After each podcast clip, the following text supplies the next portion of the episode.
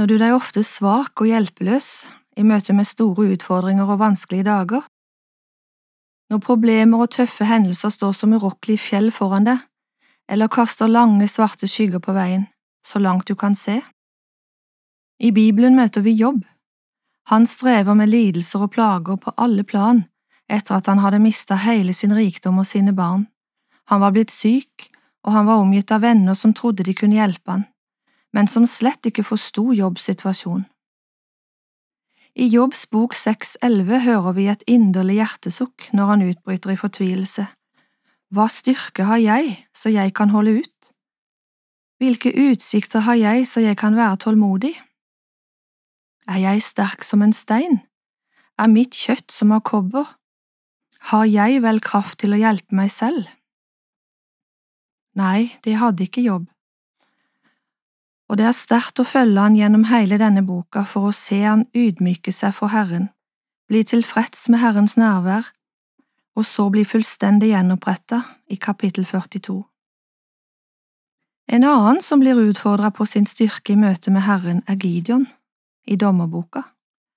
Han levde i ei turbulent tid for israelsfolket, der de stadig var underlagt ulike ledere, dommere, som Gud innsatte for å føre folket og de gikk opp og ned med det meste.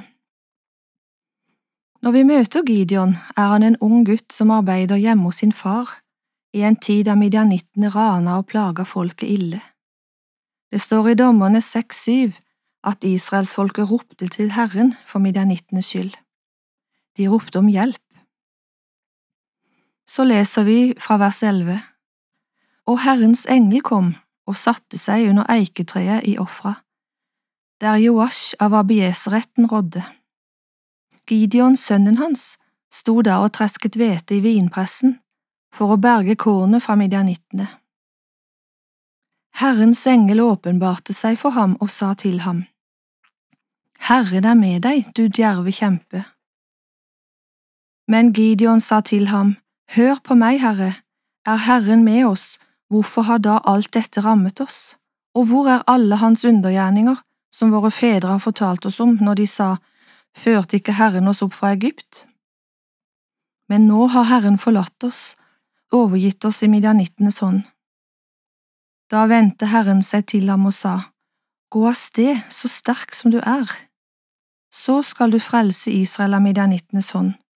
Har ikke jeg sendt deg? Men Gideon kjenner seg svak og liten i seg selv og forstår ikke hva Gud mener når han sier gå av sted så sterk som du er. At det nettopp er det svake og lille Herren bruker for å utføre sin gjerning.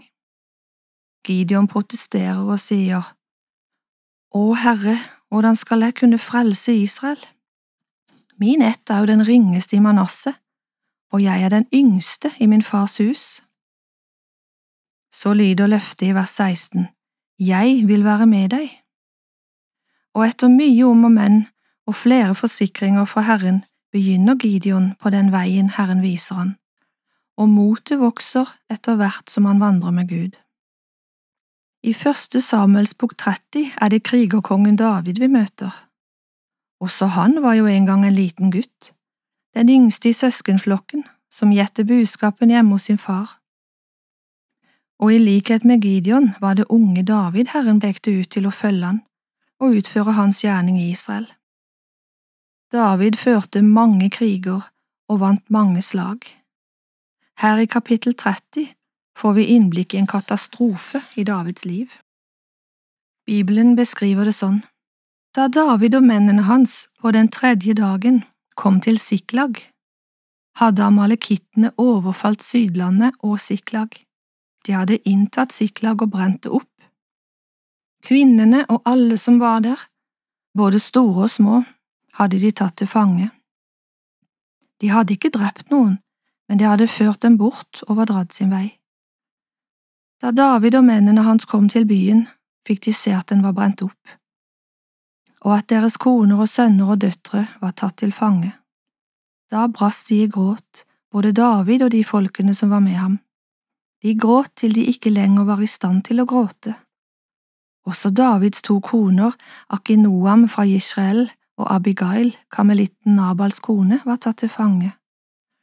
og selv kom David i stor nød, for folket sa at de ville steine ham. Så harme og sorgfulle var de alle sammen, for sine sønner og sine døtres skyld. I det neste verset får vi del i en stor hemmelighet. Dette er en nøkkel i livet til hver den som lever med Jesus, og som i likhet med David her i det vi leste, står overfor ulike vanskeligheter og tøffe dager. Vi leser i vers syv hva David gjorde i nettopp denne situasjonen. Men David søkte styrke hos Herren sin Gud. Han spurte Gud til råds i bønn før han gjorde noe som helst med situasjonen. Herren leda David videre, og i vers 18 får vi høre at David berget alt det som amalekittene hadde tatt. Også sine to koner berget David, det manglet ikke noen, hverken liten eller stor, hverken sønner eller døtre, heller ikke noe av byttet eller av det de hadde tatt med seg, manglet. Alt sammen hadde David med seg tilbake. I Salme 37 vitner også David om å søke styrke hos Herren for det livet byr oss. Han sier sett din lit til Herren og gjør godt, bo i landet og legg vind på trofasthet, gled deg i Herren, så skal Han gi deg det ditt hjerte trakter etter. Velt din vei over på Herren og stol på ham, Han skal gjøre det. La oss minne hverandre om å søke Herren i bønn og regne med Han i alt vi møter. Da kan vi vitne med David i Salme 28. Lovet være Herren, fordi Han har hørt mine inderlige bønners røst. Herren er min styrke og mitt skjold. Til ham har mitt hjerte satt sin lit, og jeg blir hjulpet. Derfor fryder mitt hjerte seg, og jeg vil prise ham med min sang. Amen. Det var Eva Solli Flå som delte Guds ord med oss i dag i serien Over en åpen bibel. Den produseres av Norea, og du finner et rikholdig arkiv av andakter på norea.no.